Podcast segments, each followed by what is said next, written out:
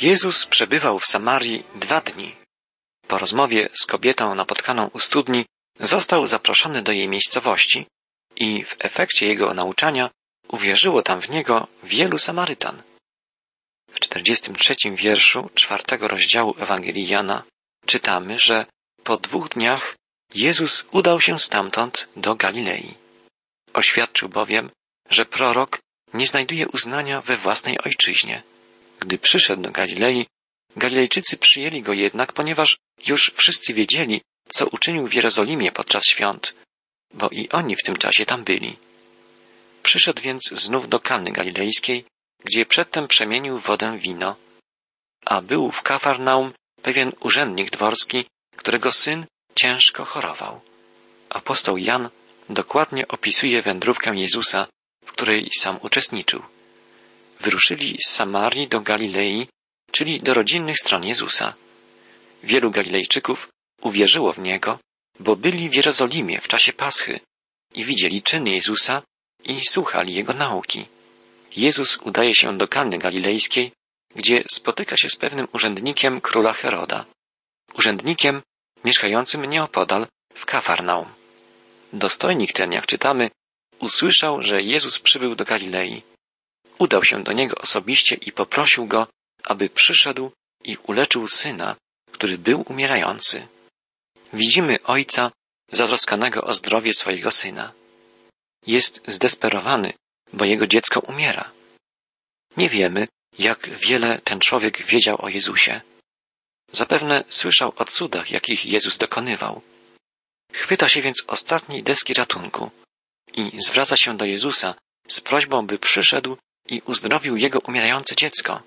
Wtedy Jezus rzekł, czytamy dalej. Jeśli nie widzicie cudów i znaków, nie wierzycie. Urzędnik ów odpowiedział, przyjdź, panie, zanim umrze moje dziecko. Wracaj, powiedział Jezus, syn twój żyje. Człowiek ten uwierzył słowu Jezusa i odszedł. Człowiek ten kochał swojego syna i powiedział zdecydowanie, że nie chodzi mu o cuda, ale o ratunek dla swego dziecka. Jezus, widząc jego szczerość i wiarę, powiedział: Idź, syn twój żyje. Człowiek ten uwierzył, zaufał Jezusowi.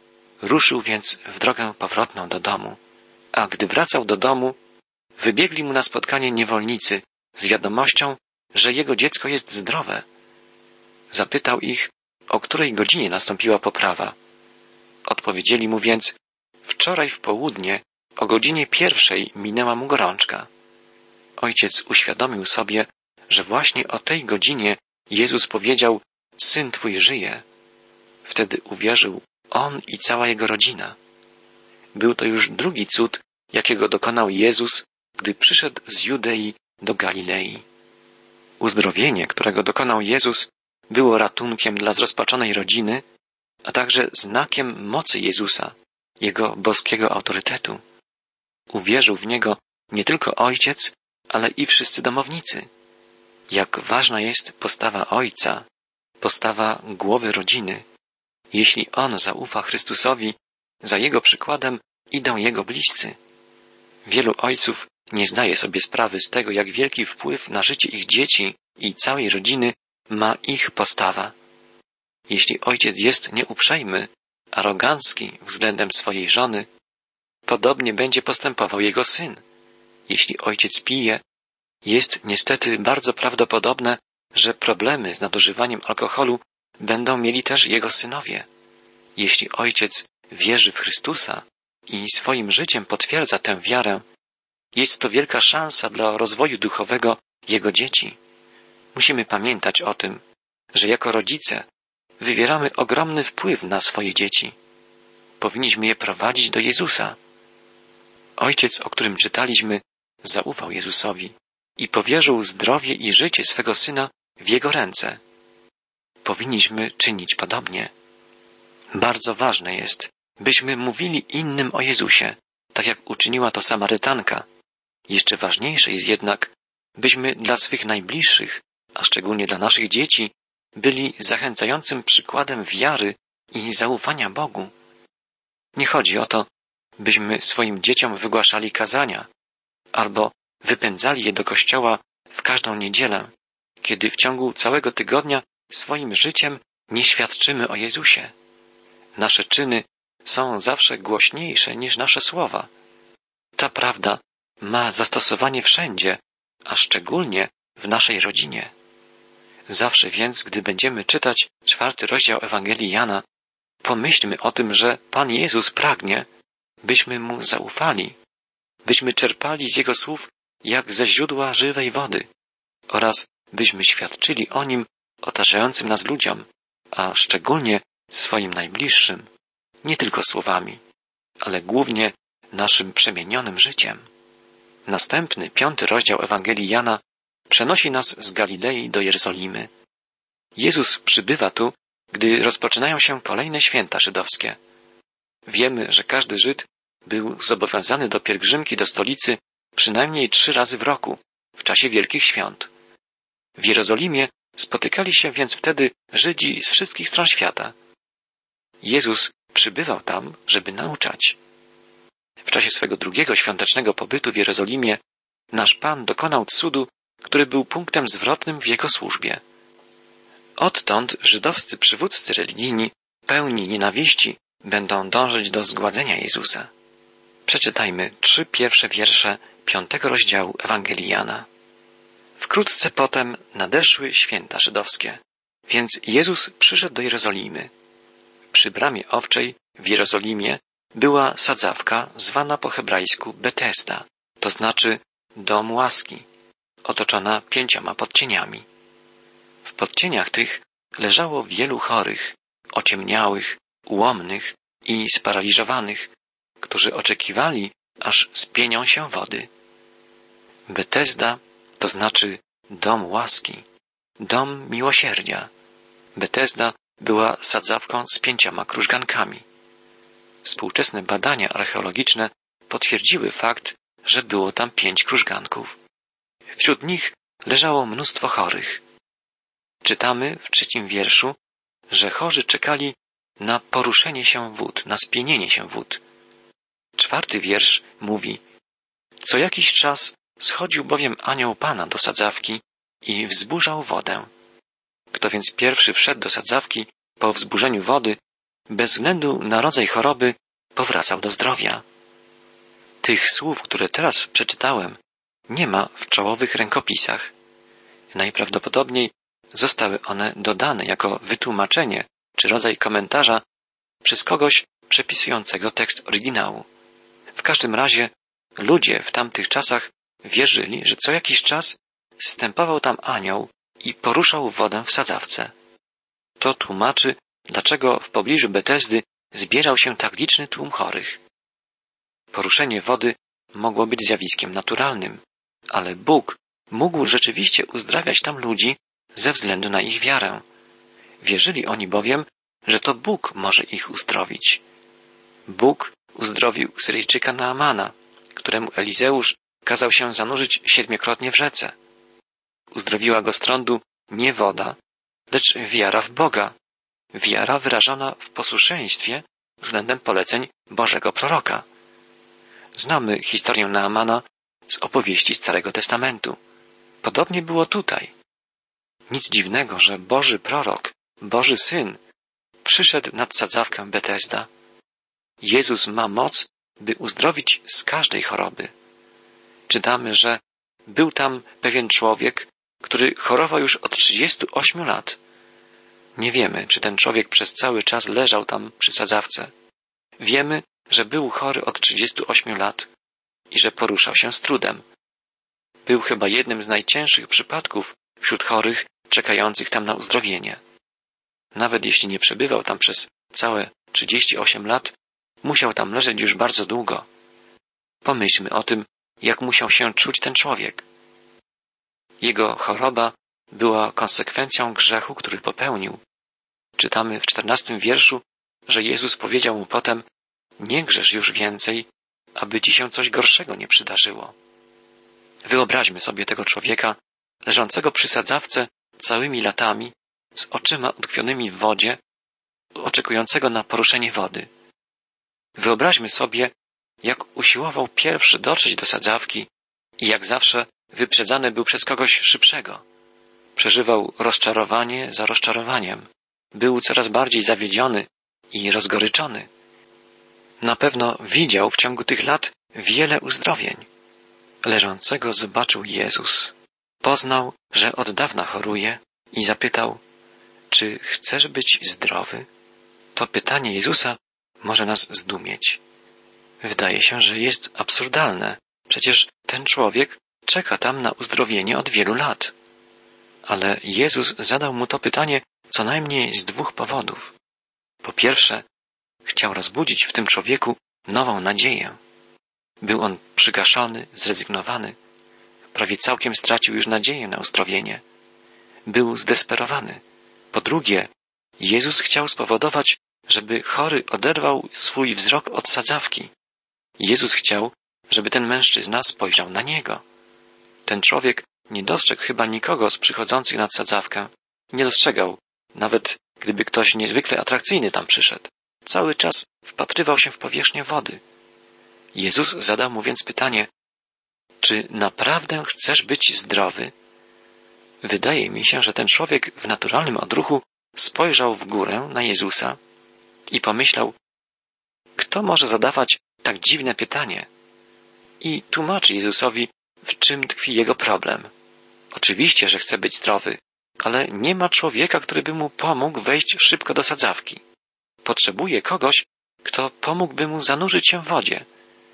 Wielu ludzi dzisiaj jest podobnych do tego chorego, który leżał w krużganku sadzawki Betesda. Wielu ludzi czeka, czeka na coś, co się ma wydarzyć, na coś niezwykłego, coś wielkiego. Wielu ludzi chciałoby przeżyć coś szczególnego, coś niesamowitego. Tymczasem ludzie ci nie dostrzegają samego Chrystusa. On przecież jest kimś najbardziej niezwykłym jest kimś, kto może pomóc, ale oni swój wzrok kierują na to, co w ich mniemaniu może przynieść im ratunek. Nie chcą zwrócić się ku Jezusowi, bo czekają na jakieś szczególne przeżycie emocjonalne, na jakieś niezwykłe wydarzenie. Wielu ludzi swój wzrok kieruje też ku dobrom materialnym. Wydaje im się, że gdyby szybko potrafili zbić fortunę, byliby szczęśliwi. Szukają jakiejś nadzwyczajnej okazji, żeby się wzbogacić.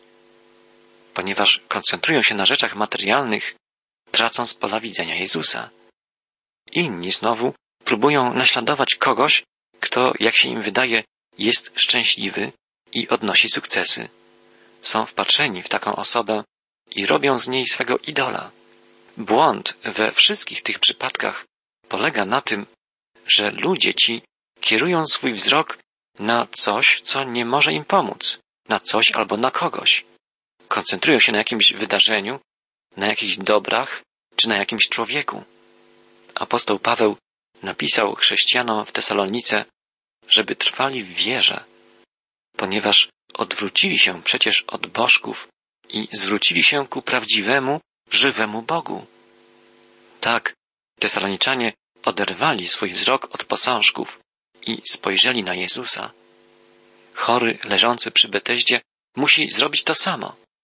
Musi oderwać swój wzrok od sadzawki i zwrócić się ku Jezusowi. Przysłuchajmy się Jego słowom. Mówi on, Panie, nie mam człowieka, aby mnie wprowadził do sadzawki, gdy nastąpi poruszenie wody. Gdy ja sam już tam dochodzę, inny wchodzi przede mną. Ten zrozpaczony, pozbawiony nadziei, chory człowiek myśli, może Ty pomożesz mi wejść do sadzawki w odpowiedniej chwili. Oczywiście, że chciałby być zdrowy. Pan Jezus nie ma zamiaru wprowadzić go do sadzawki. Chce, żeby odszedł stąd jak najdalej. Mówi mu, wstań, weź łoże swoje i chodź. Gdy chory spojrzał na Jezusa, zerwał się z łóżka i zaczął chodzić. Czytamy o tym od wiersza dziewiątego. I ten człowiek od razu wyzdrowiał, wziął swoje posłanie i zaczął chodzić. A był to dzień sabatu. Dlatego Żydzi powiedzieli do uleczonego, dziś jest sabat, więc nie wolno ci tego nosić. On zaś odpowiedział, ten, co mnie uzdrowił, nakazał mi, weź swoje posłanie i chodź. Zapytali go, kim jest ten człowiek, który rozkazał ci weź swoje posłanie i chodź. Uzdrowiony jednak nie wiedział, kto to był, bo Jezus oddalił się od zebranego tam tłumu. Uzdrowiony niósł swoje łoże, na którym leżał w krużganku Betesdy przez wiele lat. To łoże było jak gdyby dowodem rzeczowym jego uzdrowienia. Wszyscy, którzy go znali, mogli na własne oczy zobaczyć, jak idzie ulicą ze swoim łożem. Z pewnością wielu znało człowieka, który przebywał tam tak długo. Moglibyśmy się spodziewać, że wśród obserwujących go ludzi wybuchnie wielka euforia, wielka radość. Ale nie czytamy o niczym takim. Nic takiego nie nastąpiło. Uczeni Żydzi, przywódcy religijni, powiedzieli mu natomiast, że nie powinien nosić łóżka, bo jest sabat. Pomyślmy, jak bezduszne było ich zachowanie. Jezus odsunął się od tłumu niepostrzeżenie, tak że nikt nie wiedział, kto uzdrowił tego człowieka, nawet sam uzdrowiony. Dalej czytamy. Potem Jezus spotkał uzdrowionego w świątyni i powiedział mu: Widzisz, wyzdrowiałeś. Nie grzesz już więcej, aby nie przytrafiło ci się coś gorszego. Człowiek ten odszedł i powiadomił Żydów, że to Jezus go uzdrowił. Odtąd Żydzi oskarżali Jezusa, że to uczynił w sabat. Pan Jezus uzdrowił tego człowieka fizycznie przy sadzawce Betesda, a w świątyni zatroszczył się o jego duszę. Powiedział mu, nie grzesz już więcej. Grzech był korzeniem całego nieszczęścia tego człowieka. Jezus uzdrowił jego ciało, a teraz leczy jego duszę. Troszczy się o jego duchowe zdrowie. Na pewno na całe życie człowiek ten zapamiętał słowa Jezusa. Nie grzesz już więcej. Teraz człowiek ten jest świadomy tego, że zachorował z powodu swojego grzechu i że ten, który go uzdrowił, to Jezus, Mesjasz. Poznał Jezusa i mógł już o nim mówić innym. Możemy więc powiedzieć, że poznać Jezusa to poznać swój grzech i poznać Zbawiciela, uświadomić sobie, że jest się grzesznikiem i że jest ktoś, kto może pomóc. Ewangelista Jan pisze, że człowiek ów powiedział Żydom, że uzdrowił go Jezus. Gdy Jan pisze Żydzi, ma na myśli żydowskich przywódców religijnych. Gdy dowiedzieli się oni, że to Jezus uzdrawiał w sabat, postanowili go zniszczyć. Czytamy o tym w dalszych wierszach. Odtąd zaczęli go prześladować. A Jezus odpowiedział, jak ojciec mój działa nieustannie, tak i ja działam. Odkąd człowiek upadł w grzech, Bóg Ojciec i Jego Syn nie odpoczywają w sabat. Walczą o zbawienie wszystkich ludzi bez ustanku. Gdy Pan Jezus będzie odchodził do Ojca, powie, poślę wam innego pocieszyciela, Ducha Świętego, Ducha Prawdy. On przypomni wam wszystkie moje słowa. Tak, Bóg, trójjedyny Bóg, Ojciec, Syn i Duch Święty działa bez przerwy, aby nas ratować. Czytamy w następnym osiemnastym wierszu. Tym bardziej więc Żydzi dążyli, by go zabić, ponieważ nie tylko naruszał sabat, ale nawet Boga nazywał swoim ojcem, a siebie czynił równym Bogu. Przywódcy religijni zrozumieli, co powiedział Jezus. Nie mogli znieść tego, że mówi o Bogu jako o swoim Ojcu i że mówi o tym, że działa wraz z Nim. Nie uwierzyli Jezusowi, bo byli zbyt pyszni, zbyt obłudni i zarozumiali. Nie rozpoznali w Jezusie Bożego Syna. Prześladowali Go odtąd tak długo, aż rozpieli Jego ramiona na krzyżu.